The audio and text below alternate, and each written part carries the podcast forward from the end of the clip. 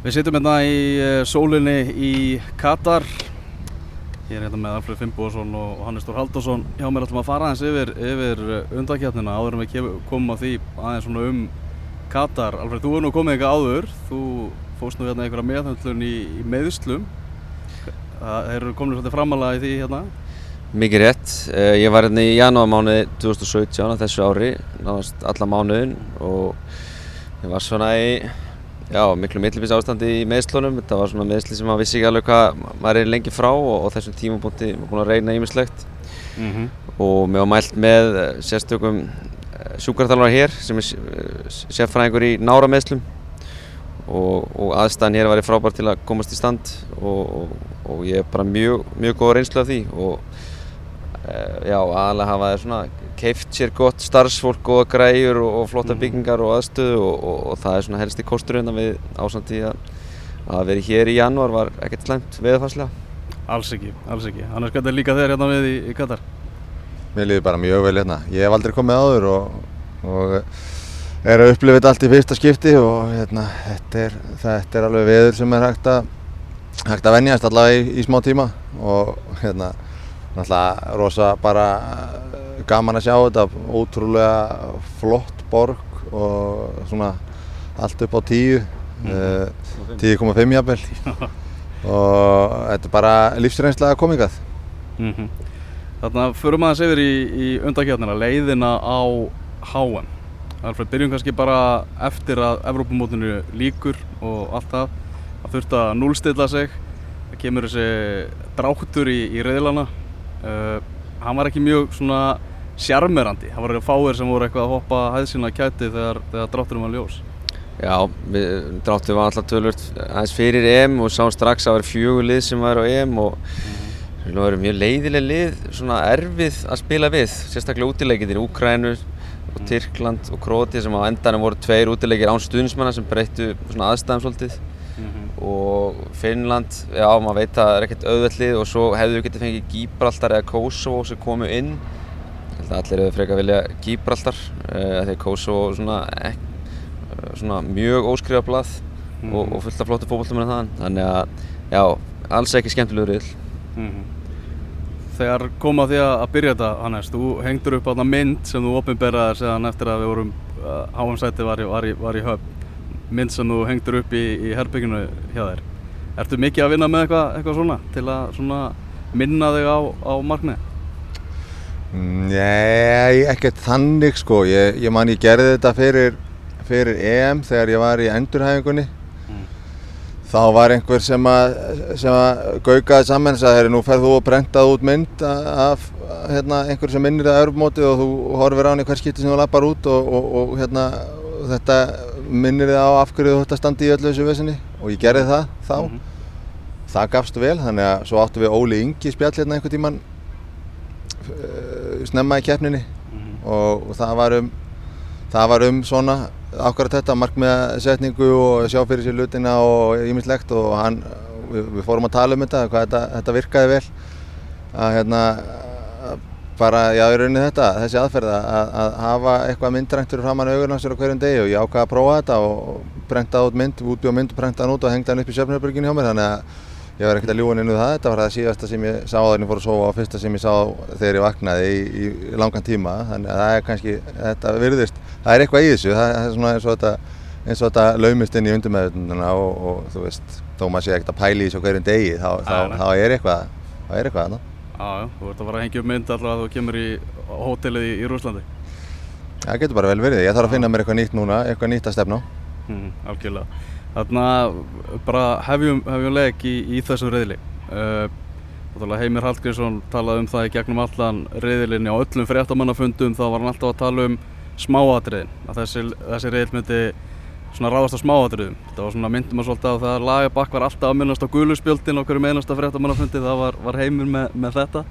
Uh, og menna jafnræði reyðlinum kemur bara strax í ljós í, í fyrstu umferð þar sem allir leikirnir enda 1-1. Við gerum þetta jafntefli hérna á móti Úkrænu á tómum velli. Alveg þú skoraði hérna eftir, eftir 6 minútna legg. Hvernig var að fagna svona rosalega stóru mikilvægu marki fyrir fram að enga áhörfundur á reysa leikvangi?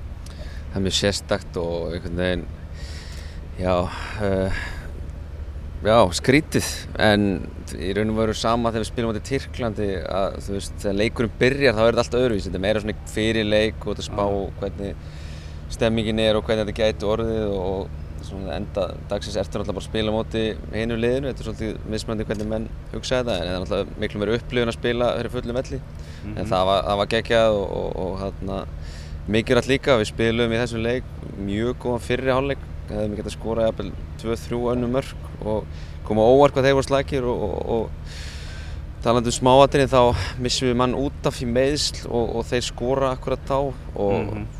Vorum allir brjálaði þegar við komum inn í setni hálfleik, nei inn í hálfleik að þetta skuli hafa gerst bæði af okkur og staffurinn alltaf og þetta var svona eitt af þessum smáatirinn sem hefði getað orðið til þess að við hefum ekki eða farið á, áfram. Mm -hmm. Svo er náttúrulega, já, líður á þannig leik uh, Úkræna far víti hérna á 83. minúti segðu okkur aðeins frá, frá því aðtöki Hannes.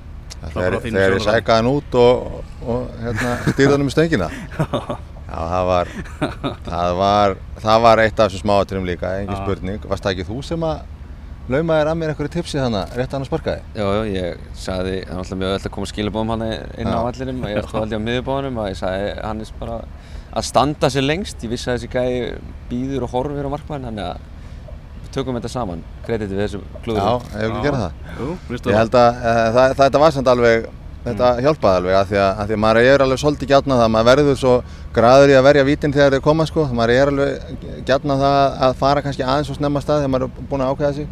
Þarna, þarna tók ég þessu tipsi frá Fredda og beigð alveg eins lengi og mögulega gatt og ég vil ekki segja að það hafi sett hann aðeins út af læginu.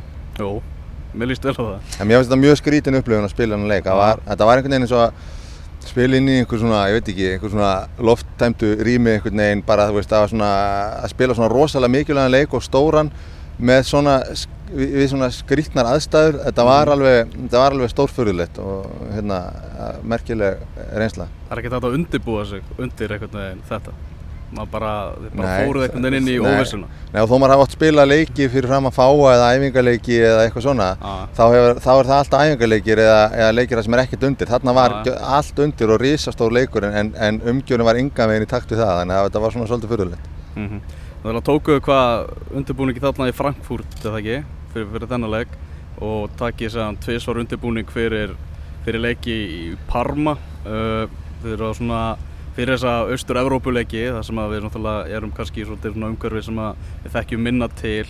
Fannst ykkur þetta skipta miklu máli að við vorum að taka undirbúningin á Ítali og Þískalandi?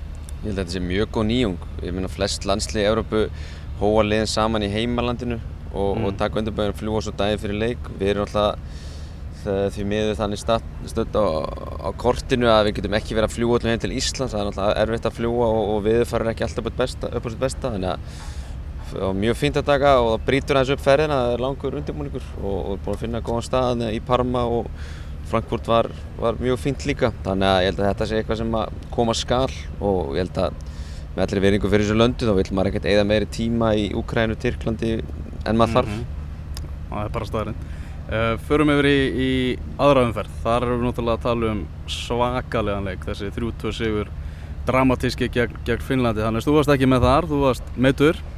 Já, ég þurfti að fylgjast með honum á hliðalínunni mm. og, og samt sko aldrei upplifað jafn sterkar tilfinningar ekki verandi inn á vellinum eins og í þeim leik, það var bara, ég var búinn á því eftir leik bara eins og ég hefði verið að spila sko, þetta voru þvílíkar sveiflur tilfinningarsveiflur og, og þessi leiku náttúrulega var algjör líkill upp á, upp á framhaldið og, mm. og auðvitað veitum við að þrjú stík skipt öllum máli og það, það er alveg augljóst svona að það er talið upp úr kausunum í lokin en, en það er bara þetta sko, veist, þetta var leiku nummið tvö, ef við hefðum ekki fengið stíg eða, eða eitt stíg út úr þessu, farið síðan í erfiðan leikamóti Tyrkjum sem maður veit ekkert hvernig hefði farið, þú veist, við tókum alltaf momentumið með okkur úr þessum finnarleik yfir í þann leik. Mm -hmm. og, og förum út úr þessum dobbulhætti með 60 í staðan fyrir kannski 1 eða 2 eða 0 eða eitthvað, mm -hmm. þá hefði bara keppninu verið búinn og, og það er líka bara allt annað,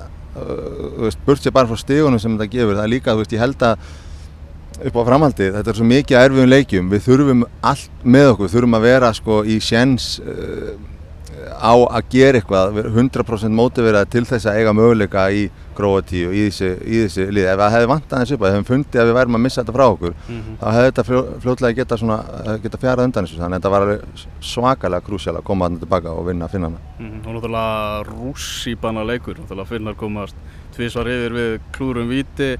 Þú jafnar hann alveg í uppbóta tíma. Hvað svona flög gegnum hausuna þetta? Þeim tímumböldi þá hugsaði ég ok, gott að taka allavega eitt stígur sem leik. Þetta hafi líka verið á 1901. mínútu eða eitthvað.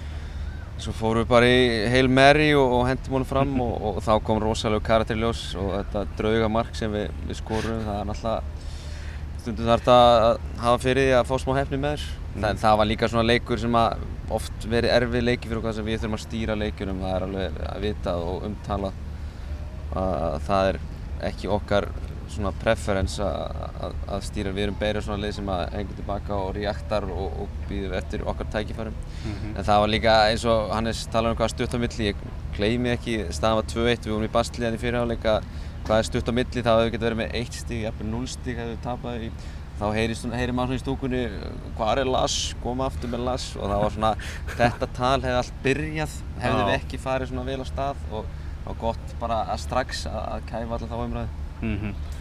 Við getum þakka fyrir það að myndbáðsdómgæslan, hún var, er ekki tekinu upp það fyrir, fyrir þetta. Ég er marklingutækni, þetta var bara, það var guðið fyrir bæði. Það var okkur í haga hérna, þetta skipti. En það var svona grúsal moment, ég fór nú tróðunum yfir línuna ef svo skildi að það væri marklingutækni sko, bara mm. því að mm. þá fór boltin yfir línuna á einhvern tíum. Já, vel, vel. Það var, var pælingi mín hérna í lokin. Vel hugsað. Já, já. Þetta var alveg, alveg svakalög leikur. Í þriðju umferðinni kemur síðan þessi 2-0 sigur gegn Tyrkjum á, á lögadagsvelli Alveg komur óvart bara svona hversu, hversu getum við ekki sagt kannski auðvelt hversu bara svona örugt þetta var og, og samfærað Já og nei eh, með hvernig Tyrkjum komið stemdir í lögadalinn tveim árum áður þá þú veist þeir mæta bara eftir þegar að henda svolítið sko og þeir eru mm. ekkert talaði við leikmann sem spilaði Þísklandi fyrir leikin og hann var búinn að byrja að kvart undir vindinum og, og, og skildi ekkert hvernig það er að spila á þessum aðstæður hafsendin var í sama tón eftir svona 5 mínútur þannig að maður svona, svona lítil móment maður hugsa svona ok. Mm -hmm. og þeir áttu vel aldrei sjens í þessum leik. Svo sér maður að koma tekk út völlin og eitthvað svona þeir eru allir sko með úlpurnar rendar alla leið upp í, upp í háls og með hendurnar inn í ermónum og, og bara svona bera sér hálf svona auðmingjarlega sko eða þú veist maður sé bara þeir, þeir eru bara, þeir get ekki beðið eftir að, að þessu veri lokið, þeir nenna þessu ekki Mm. En auðvitað er samt aldrei á vísan að róa, maður veit ekkert hvað, veist, þetta er auðvitað fullt lið af topp spilurum þannig að það er ekki þannig að maður sjáu þetta eða skinni þetta og já þetta er rísi, það þarf auðvitað að vinna vinnuna og gera þetta síðan þannig að það er uh, vel gert líka en, en, en það er alveg klárt að svona, þeir voru ekki, ekki rétt stemdir.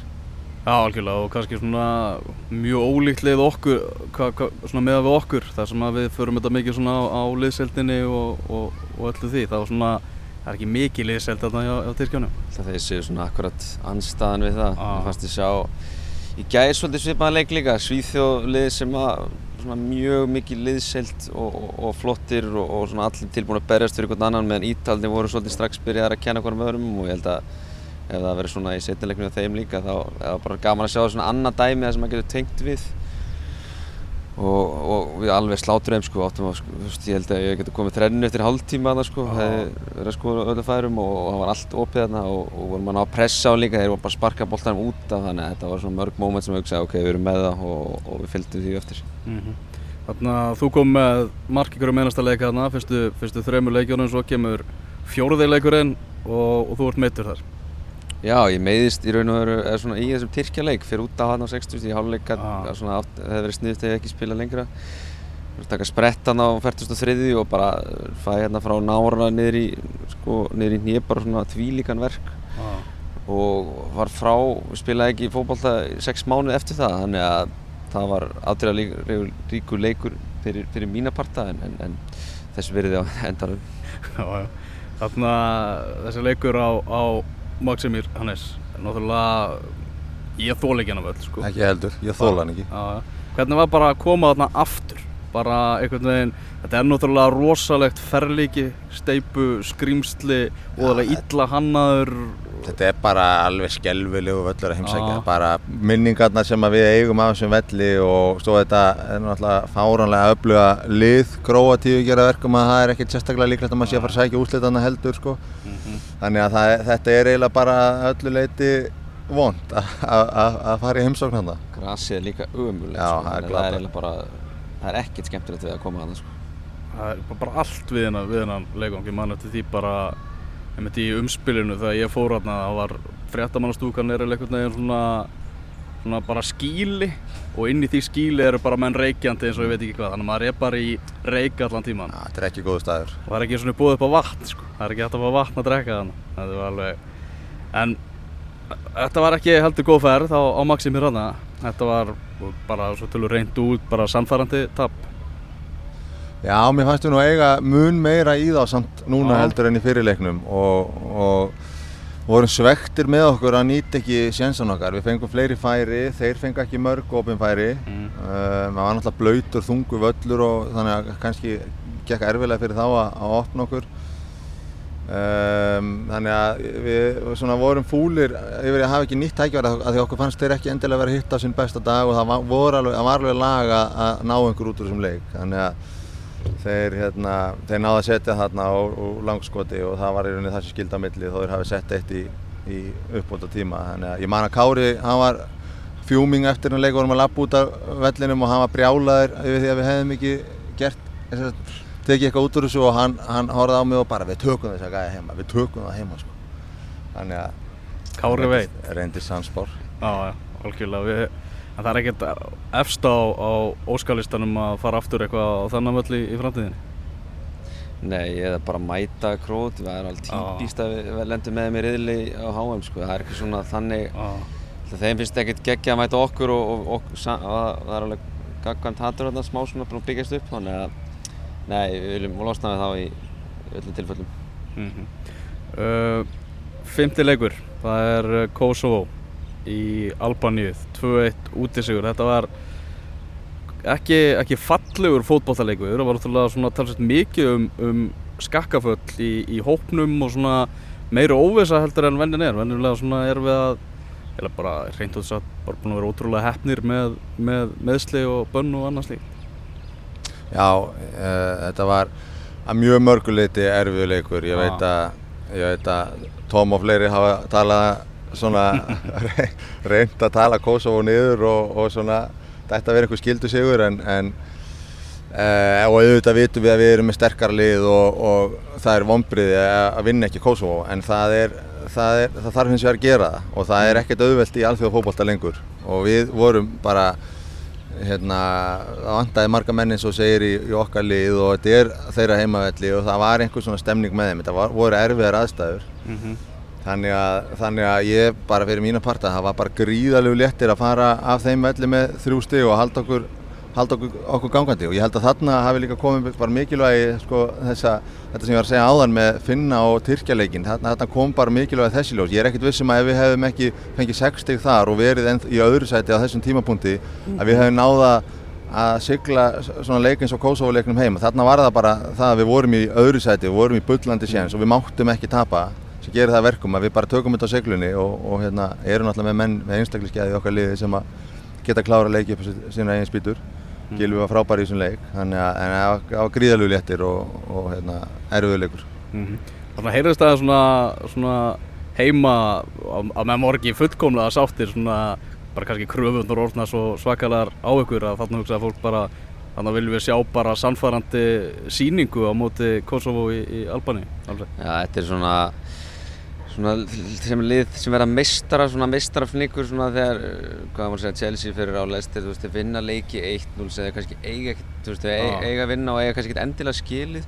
Þetta, ég held að allir hugsa sama, ok, það er bara 2-1 sigur hér og bara næsta verkefni. Eða þú veist, við erum búin Mhm. að klára þetta, það er, sem á endanum kláruðu flest allir Kosovo en, en þú veist, það hefði verið mjög auðvelt að fá slísaðna og, og mikið um skakaföll og erfi völlur og allt þetta en, en bara, bara gerum þetta svona fagmannlega fannst mér.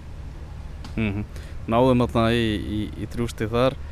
Uh, leikurinn á móti Kroatíu nú ætla ég bara þannig bara að fara, fara inn í þennan leik þennan risa leik sem einhvern veginn var búið að vera svona löng byð eftir og, og náttúrulega gríðarlega mikið, mikið umtal. Hvernig var að, að taka þátt í þessu?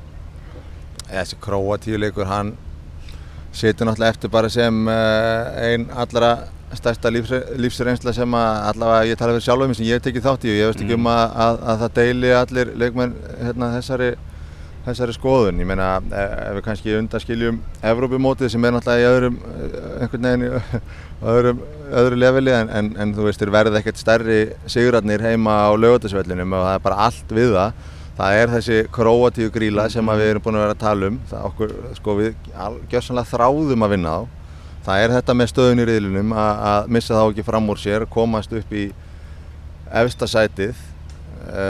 Það er bara hvað, hversu góðir þeir eru. Ég meina að setja liðsfundi og fara yfir þetta króatíska lið. Er, það er bara, mann er, rennur kallt vatn millir skins og hörund þegar það er að fara yfir það. Það er náttúrulega ótrúlegt line-up sem þeir eru með og svo bara upplifunin að spila, ég meina við elskum að spila á lögutasvelli og þessi sumarleiki sérstaklega þegar það er, þú veist, sólun er að setjast í og það er hérna fallegt sumarkvöld í, í Reykjavík og, og, og fara svo í leik það sem allt gengur upp og ekki bara það heldur skoru við síðustu mínutu við vennilegstu leiktíma, þetta er bara svona eins og maður ef maður hefði teiknað upp eitthvað svona eitthvað, eitthvað drauma scenarjó fyrir leik það bara gerðist nákvæmlega svoleiðis og þetta var bara algjörlega priceless augnablík. Mm, alveg þarna er þú náttúrulega komin aftur.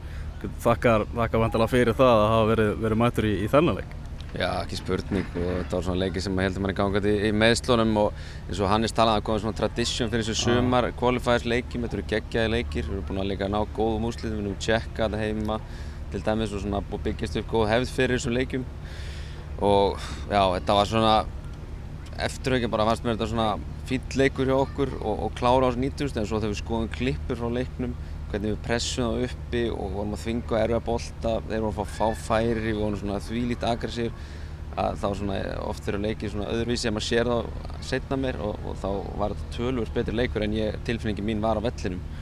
Og toppaði hann alltaf bara af, aftur að, að hversu fagmælega hörður axlaðan yfir markmannin er að það var, var geggja en aftur og þú veist, mm. síni, þú veist það er ekki tilvíðin að við erum alltaf að skora í, í, á endan á, á, á leikim, þetta er bara trú og, og, og liðseld og samveldi sem að, sem að tryggja það að við erum, höldum áfram veist, á móti Finnlandi og, og aftur á móti þeim. Mm. Það er alveg smá breyting á, á leikjörunum þannig í, í, í þessu leik. Já, hann var búinn að prófa það áður en heimir að, að, að þjætta miðuna á móti, móti gróðum og það var bara mjög skiljanlega breyting þeir eru náttúrulega með kannski bara veist, besta, besta miðju bestu mið, miðju landslis í heiminum mm -hmm. um, þannig að það er ekki ekkert spes að vera undumannaðar á miðjun á móti og það gafst alveg þokkarlega að núti þó svo að þeir hafi unnið okkur, þá fengur þeir ekki mikið að sénsum þannig að maður skilur alveg að, að hann hefði breytt aðna og, og svo náttúrulega erum við búin að vera með Emil alltaf kláran á kantinum spilar, spilar í hver einustu viku í sériu A og, og skrítið að, að hérna, Íslanda er efna því að að vera með soliðis mann ekki alltaf í byrjunleginu en hann fekk hérna séns og stóð sér vel. Má þú segja að við séum með leikbár sem er að spila í Serie A og, og er kannski svolítið að mörguleiti vannmetinn heima? Alveg. Já, ég er sammálað því og hef lengi verið að þeirri skoðun að fyrsta lagi að hafa leikið sem hann hefur spilað hefur hann ekki verið í sinni stöðu og, og oft þannig og sjálfur þegar ég var stundismæð landslýs yngri maður dæmdi oft leikmenn á þessum fimm landsleikjum á ári og, og sumir voru þannig að það átti ekki alltaf góða landsleiki og, og, og funkurir betur með fyrirsliðum og emmi á klálega og alltaf átt meiri virðingu skili finnst mér á Íslandi með hvað hann hefur afreika á sínu ferli og spila í Serie A í, í tæp tíu ár. Það er, það er mjög stert og eins og hann er segir það er gott að, og ekki eðlilegt að við getum verið með þannig mann bara í, á begnum til tags og hann funkar líka vel þegar við spilum rosalega vel þegar við spilum með þryggja manna miðju. Gefur svona enna balans milli Arons og Gilva mm -hmm. uh, Förum úr allri, allri gleðinir sem var hérna í gangi um, í þessum sumarleiki í laugadalunum og, og vindum okkur yfir til Tampere í, í Finnlandi þar sem að þessi skellur kom. 1-0 tapið gegn, gegn Finnum. Uh, farðumst allt einu niður í, í þriðja sæti riðilsins og, og svona var þungtið mörgum stuðningsmönnum veit ég svona einhvern veginn eftir, eftir þann leik. Uh, bara hvernig var henni klefanum? Hvernig var andin í klefanum bara eftir, eftir þetta tap? Já, þetta, það var bara það var ógeðslega þungt bara og við vorum bara við vorum bara ríkalega svektir með sjálfu okkur að hafa látið þetta gerast. Við vitum það alveg að, að sko eh, við erum með betra liðin finnar en þeir, það er samt ekki það mikill munur að, að það sé eitthvað sjálfgefið að, að það sé hægt að vinna þá alltaf á, á þeirra heimavelli Mhm. við sem alveg þetta, þetta, þessi, þessi staða getur komið upp en, en hérna, við ætluðum, ætluðum að koma í veg fyrir það, við ætluðum að vinna þennan leik og, og, og bara þegar það var niðurstaðan að við höfum tapað þá, þá þú veist, vildi maður bara óska þess innilega að hefur hægt að spila leikin aftur af því að þú veist Mhm. við, ég held að við myndum, við myndum þetta, þetta myndi ekki gerast þessi, eh, oft að þessi hérna, niðurstaða myndi koma en, en hérna, við vorum bara alveg grút svektir Mhm. Þetta var svo náttúrulega úrslitin í körfubólta já, körfubólta landsliðinu ofan á þetta var allt og mikið af íslensku tapleikjum hérna í Finnlandi á þessu tíma Já, þetta var svekkjandi og náttúrulega með marga stuðnismenn með okkur hérna og búið búið til góða ferðir og, og það gerir þetta svona ennþá meira svekkjandi og, og en þú veist, við erum alltaf, við vorum komin á það level að þetta átti að vera eitthvað walk in the park fyrir, fyrir Já. Ísland og, og eins og þessi heimur hefur sagt þá, þá var þetta góður lærdómsleikur fyrir Mm. okkur en á hinbóin var þetta ekki það slagur leikur eins og mér finnst margir hafa teiknað þetta upp því að við klá, veist, setjum upp fjögur, fimm færi til að vinna þennan leik uh, og, og það eitti nú oftast að teljast nóg fyrir okkur með færa nýtingun okkar hjá, allan hjá landsliðinu og Þannig að mér finnst þetta ekki alveg eins slæmt að muna mjög litlu að við hefum náðu eitt stig eða jafnvel þrjú stig en, en úrslitin voru gríðarlega svekkjandi þegar maður skoða töfluna eftir leikinn og, og, og setna meir þegar við vissum að eitt stig þarna hefði gefið okkur gríðarlega mikið. sammála því, eh, þetta var ekki, ekki umululeikur að Mhm. neinu leiti, þetta var bara svona svipaður Kosovo-leikurinn, svolítið jafn, svona stál í stál, þeir voru með einhvern veginn smá momentum með sér fann maður, við vorum ekki alveg að ná upp okkar takti en einhver síður þá fáum við alveg nóg að færum til að vinna leikin og, og erum einum færi síðasta korterið og, og erum að samt að pressa á það og erum bara hálsbreytt frá því að, að ná stíi En þetta er aðalega, þetta var, sko, svekkilsi var náttúrulega fyrst og fremst út af því að, að þessi sumarleikur á móti Króatíu kom okkur bara í bæði frábæra stöðu Já. en, en, en líka stöðu sem að það sem að, sko, sem gerir það að við, við máttum ekkert misti okkur af því að það hefði ekkert mikið á úrslitum verið að falla með okkur í riðlinum fram með þessu. Króatíu virtist alltaf klára sína leiki Mhm. og maður sá fyrir sér, ok, við erum, við, erum þarna í efstasæti en Króatíu mun sennilega ekki misti sig og við verðum bara að vinna alla fjóra leikina og, og þú veist, ef maður ætti að velja einn af tveimur útileikum til þess að til þess að ef maður ætti misti þessi einhver leik að, hérna, þá, þá væri það alltaf sko þá myndi maður alltaf frekar velja Tyrkjaleikin og ef maður hefði haldið að við þurftum að klára þennan finnaleik sko. En, en hérna þannig að Það, ja, það var svona rosa spekulerandi riðl, maður var alltaf að spá, heru, ef þetta gerist þessir taka stig þarna, það var svo mikið af möguleikum að liðið myndu tapa stigum. Og þarna kom ennþá meiri ljós maður fór að spá, heru, úff, við þurfum að vinna Tyrkland úti, við þurfum að gera þetta, við Mhm. þurfum að þetta og þú veist, þegar enda dagsins þegar þú veist, þegar maður klára sína leiki þá kemur- er það alltaf gulds í gildi. Mhm. Að fá þennan leik síðan bara svona einhvern veginn strax uh, á eftir á móti Úkrænu bjóð upp á þessa framistu er það ekki eiginlega bara hvað mest lýsandi fyrir þetta landslið sem við eigum núna einhvern veginn bara kemur ekki karakterinn hérna bara hvað sterkastur í ljós Jú, það held ég, það var alltaf Það hefði verið skelvilegt að enda hana á finna leiknum og þurfa að býða í einn mánuð, einn, tvo mánuð að spila leik. Þarna fengum við bara strax leik og, og eðlilega fekk liðið ykkur kritík sem áttu örgulega rétt á sér og, og, og mættu bara þvílíkt samfærandi í enn úkrænuleik og, það var líka leikur, hefðu við ekki unnið þann leik þá hefði það verið mjög erfiðri stuð og verið mjög erfitt að fara áfram að því að það var alltaf beitt samkeppnislið við, okkur. Þannig að við svöruðum finna leiknum bara ótrúlega vel mm Þú byrjar á bekknum í, í þeim leik það lítur að verið ansið svekkjandi Já, auðvitað.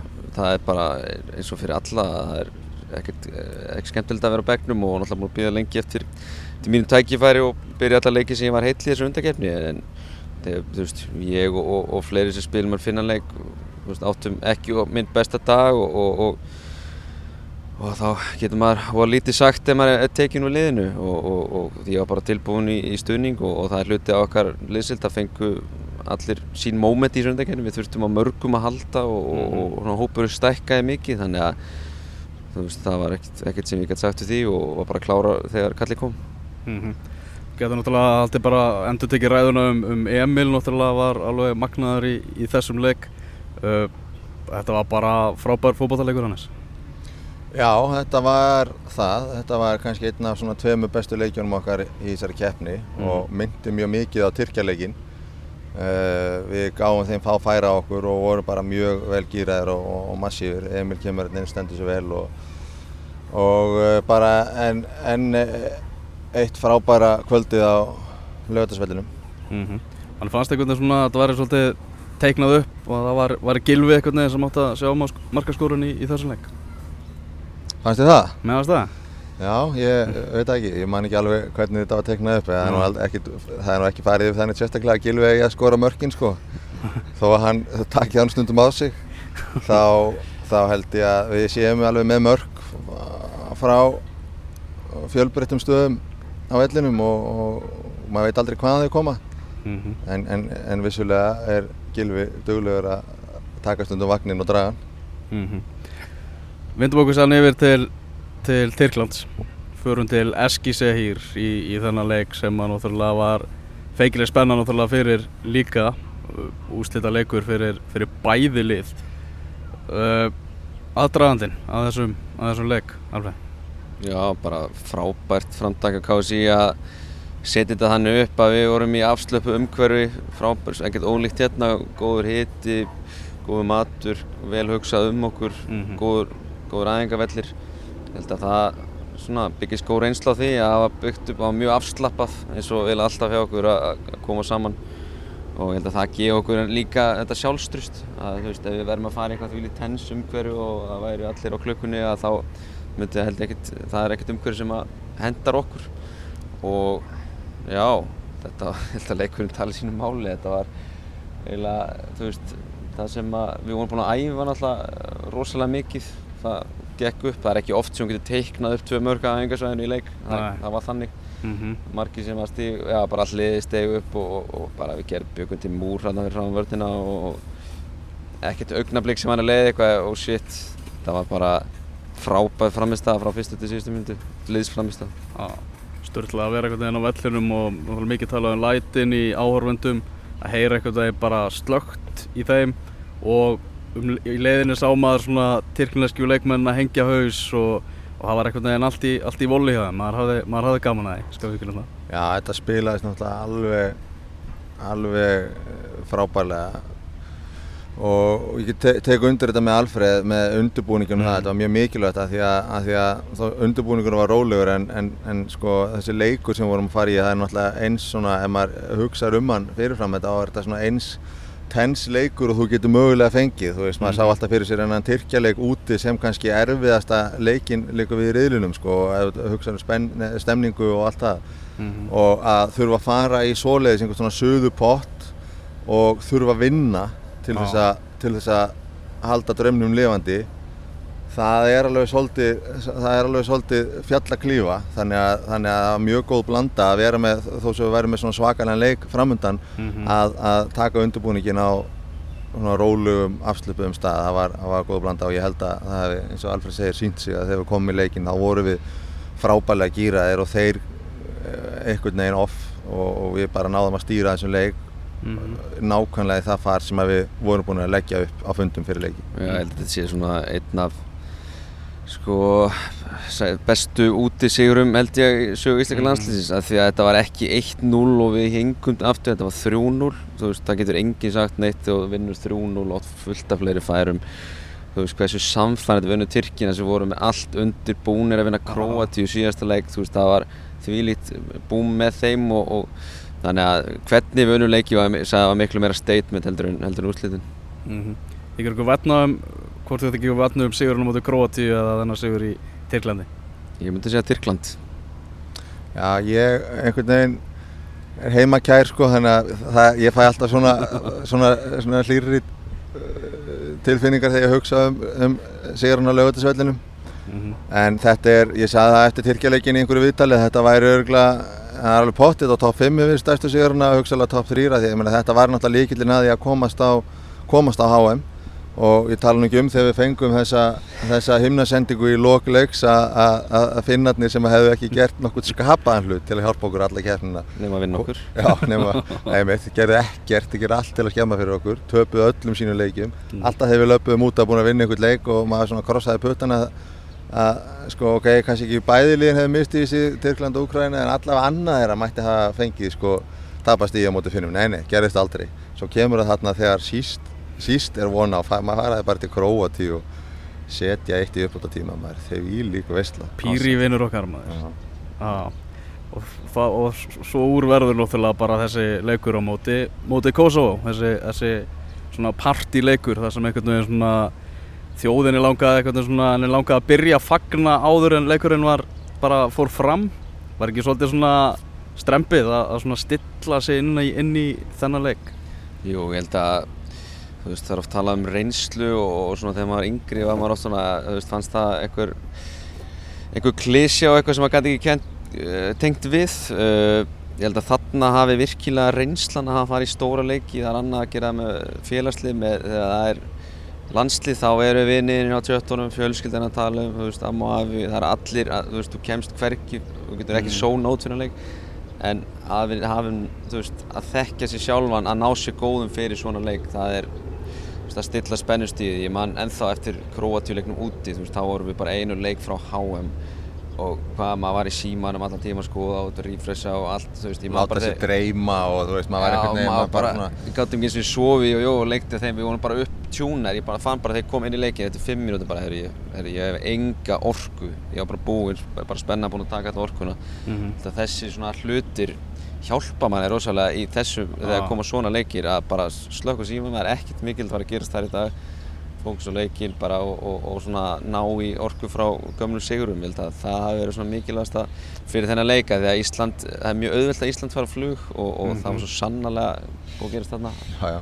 Kazakstan líka í, í keppninu á undan það var alltaf svona copy-paste aðstæður í rauninni mm -hmm. þar sem við fáum kannski veikast að liða heimavöllin og þurfum að klára verkefnið mm -hmm. þannig að það var svona svolítið svona skemmtilegt hvernig þetta teiknaðist upp en það var, það var bara nákvæmlega saman nema okkur döði jafnteflið þar en þetta er mjög óþægilegur leikur að fara í eh, þó svo að við höfum svona gert þetta áður þá, þá er það bara þannig að fókbólti er eins og hann er, það getur allt gert og getur hitt á mm. daginn eh, eins og við hittum á þetta í Finnlandi þar sem að þú skorur ekki úr færamniðinum og þeir skorur sínu eina þannig að það er aldrei, þú ert aldrei rólegur fyrir hann að dómarinn flautar af og, og hérna og ég, ég meina hafandi gengið í gegnum þetta allt saman ég átti í vandræði með að spilla, stilla spennistíði fyrir hennar leik það var, ég fann að það kom svona miklu fyrr mm. fyr, fyrringurinn, leikdagsfyrringurinn sem svona smá saman byrjar að la, la, læsa sig hvað segir maður uh, já, svona læsa sig í manni að gera vartvissi svona á leikdag einhvern veginn svona setnipartin byrjar svona, byrjar maður að finna fyrir því en það var einhvern veginn alveg komið daginn áður sko, þá var ég byrjað að svona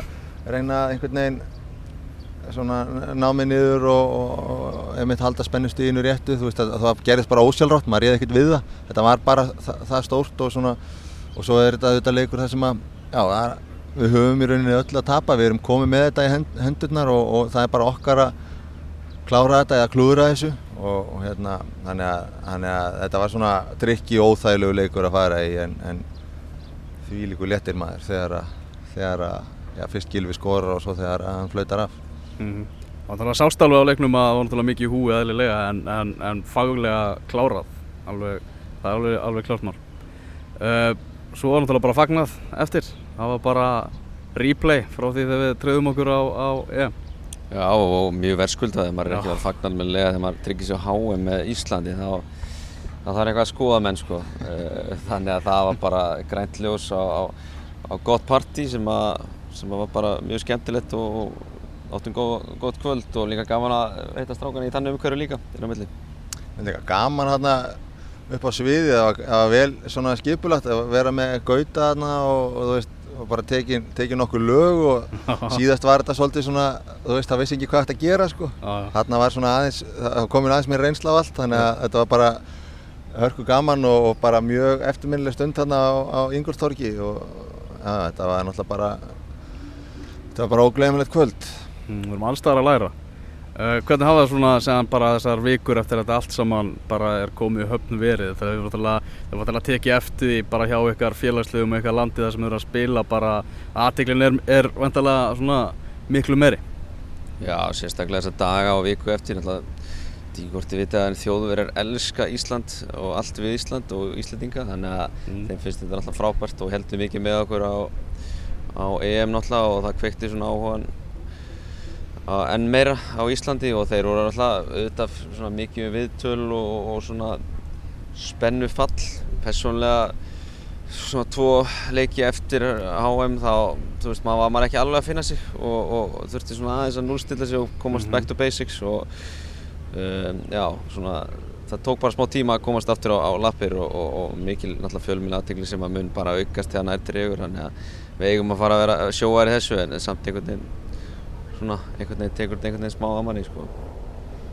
Já, ég get alveg gauta andur það að maður var alveg svolítið lengi niður og næsti leikur á eftir þessum leik, hann var mjög svona förðulegt að mæti hann um, það var einhvern veginn eftir að hafa gengið gegnum þennan rússipanna með landsliðinu að svona maður ma bara næri ekki alveg að íta einhvern veginn takka og, og, og kveikja á öllu sísteminu og, og þú veist stundum er þetta bara svona maður er, maður er hérna í einhverju spennufalli og svo bara þarf maður að mhm. díla við næsta leik og það er ekkert við því að gera, þá gerir maður bara sitt besta en, en svona það voru öðruvísi, öðruvísi tilfinningar en, en vanalega en, en auðvitað mikil aðtegli sem fylgir og svona ég heldur endar að Danirni séu ekki jafn hrifnir af Íslandingum og, og þjóðverðarni þeim finnst ekki sérstaklega skemmtilegt að við séu komnir áfræðum maður fæði svona einhver high five og eitthvað en svo er þið líka gaukaði að okkur að við séum búin að vera í léttum reyðli þrjár keppnir rauð og eitthvað svona kæftæði sko, þannig að að hérna uh, ég, ég er svo sem er ekkert búin að vera drukna úr einhverjum, einhverjum hérna,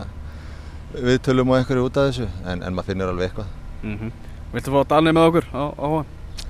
Eh, Spurðu mig að þessu eftir viðtölu off the record Ok, ég lætt alveg Auglur svar En þegar þið hérna hugsiðum bara er að, er að láta huga reyka eins til HM í, í, í Rúslandi þá lútið þið svona hugsa þetta aðeins í samanbörðu við vantilega Frakland, annars í borginna sem þið voruð í og, og allt það Spurning, uh, rosalega fallegar og skemmtilega minningar sem maður hefur þaðan, ekki bara æfingar mm. og leikinni frá Fraklandi, bara samveru tíminn og bærin, ótrúlega skemmtilega bær og, og hérna, með vatnið þarna og útsvinni, þetta var bara uh, æðislegt og, og maður alltaf líka að hugsa núna að, að væri svona svipað umhverfi það verður alltaf aldrei eins, þetta er alltaf bara annað dæmi og önnur upplifun og við erum ekkert að reyna og mikið heldur að hafa þetta alveg eins en við erum núna þegar svona sem hópur fann að tala um hvað við vorum ána með og hvað við gotum bætt þannig að það er mjög mikilvægt að það séu góð samskipti og, og við lærum að þessu og, og, og klárlega margt sem við tökum með okkur frá, frá Annesí gott og slengt Það er alveg sögulegt afræk sem að, sem að liðir að ná og allt það en svona Fyrsta desember verður þetta ennþá raunverulegra þegar dreyji verður í, í riðla og þegar maður er farin að geta að googla leikstaðina og aðeins að, að skoða umhverfið sem við erum á leiðin í. Eru þið búin að velta þið fyrir okkur hver eru svona draumamótir, hver að þið viljið sjá með okkur í, í riðli í Rúslandi? Nei, ég verður að viðkjöna það, ég er ekkert búin að spá í það. Einu sem maður hefur spáð kannski er, er þessi styrkleika flokkara því að nú er, er, er það ekki ennþá komið í ljós og það verður náttúrulega mjög stert að enda í styrkleika flokki 2 Uh, ég er reyndar, mér er alltaf dreymt um að spila mútið í Ítalíu og, og hérna reyna að, að skipta á treyju við Buffon eftir leik, það væri, það væri helviti gaman en, en annars það... Er á tíma. Hvað sér þau? Þú ferðar að renna át á tíma. Já ég veit það, þannig að það er svolítið núna eða ekki sko.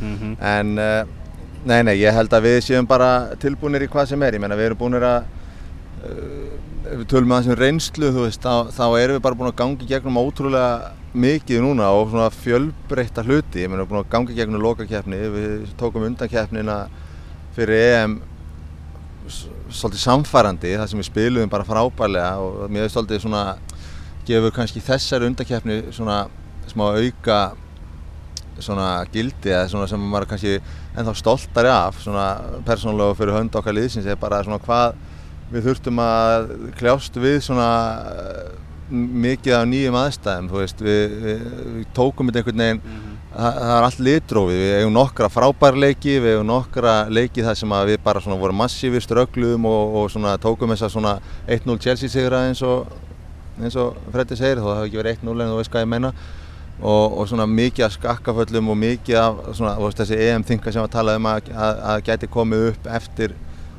eftir Mhm. síðasta mót og svona, þú veist, að einhvern veginn virtist ekkert býta á okkur og við náðum að aðlaða okkur að öllum vandamálum og komast í gegnum þetta. Og mér finnst það hrikalega flott svona ef maður horfir yfir þessa, þessa undankeppni og, og þú veist þannig að það er gríðarlega margt sem að hefur bæst í, í reynslubankan bara í þessari keppni. En auðvitað þú veist um, umspilið síðasta EM, allt þetta kemur saman og við erum náttúrulega bara orðin svakalega reynd lið núna og, og með mikið sjálfströst og vitum að við getum staðið í eða unnið nánast hvert sem er ef við hittum á daginn okkar þannig að við erum bara tilbúinir í, í hvað sem er Mhm.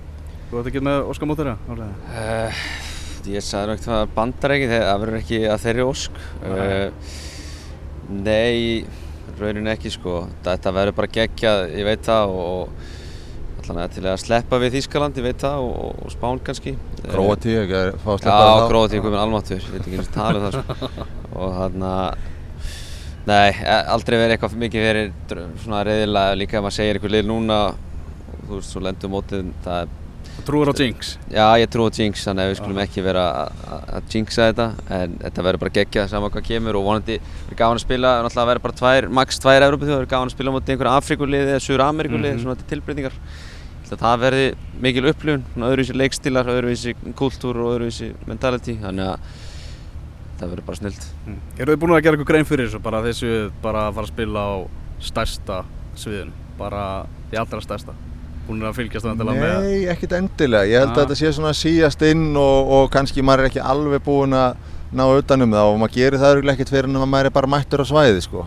Við hefum náttúrulega upplifað margt stórt hingað til og, og hérna um, það að spila á þessu móti einhvern veginn virk, veist, var auðvitað fáralega fjarlægt fyrir mörg, nokkrum ára síðan en, en svona eftir það sem að undan er gengið einhvern veginn fannst maður það ekkert sérstaklega fjarlægt lengur sko.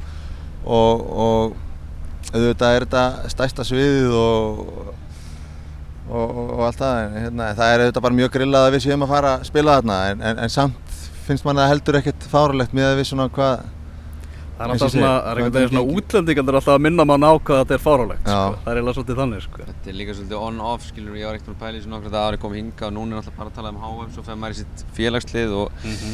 þú veist, svona næri einhvern veginn að, að turn off allan á, en samt er alltaf einhver svona að tala um þetta, þannig að maður mun ekkert komast hjá því og, og ég held þetta mun sama með EM, maður fatta ekkert hvað þetta var stórt fyrir maður kom þangað, bara allt í hennu þyrla fyrir ofan rútuna sína, hvernig rútan kemur á völlin, þú veist, hvað, þú veist, maður það allt í hennu, þú veist, maður aldrei lent í því eitthvað svona og bara, þú veist, þegar eftir Portugalsleikin, ég held ég fengi skilabóð frá einhverjum einasta einstakling svona sem ég þekki ellendis, skilur, þú veist, sem maður talar ekkert við Mhm. oft svona.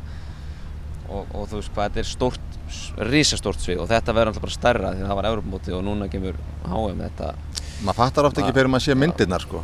Veist, Já. við erum yfirleitt bara í nokkurn veginn sömu rútínu og einmitt bara í rútu á leiðin í leik og svo spilum maður leikin og jú, það eru fleiri áhöröndur og, og, og, og svoleiðis en það er alltaf svona nokkurn veginn að sama svo sér maður myndirnar á þessu þú veist, við mátt tala um, við vorum einhvern veginn inn í einhverju búblu bara svolítið í, á Europamótinu og það var ekki fyrir en við komum heim og þegar að svona smá saman maður fer að sjá þú veist einhver myndbönd og eins og heimildamyndina hans, hans Þorsteins Jóð og svona það sem að maður fattar bara Mhm. hvað bara svona, hérna, svona the scope of it sko, stærðin á þessu og, og ég held að það verði svolítið svoleiðis uh, í sumar líka, ég meina maður á eftir að fatta, eða þú veist upplifinu þetta verður stór þegar við mætum og svo svona smá saman einhvern veginn á eftir að maður á eftir að átt að sjá því hvað eru margir fylgjast með og hvað þetta er virkilega virkilega risavaksið Ég er bara komið að gæsa á þú, sko.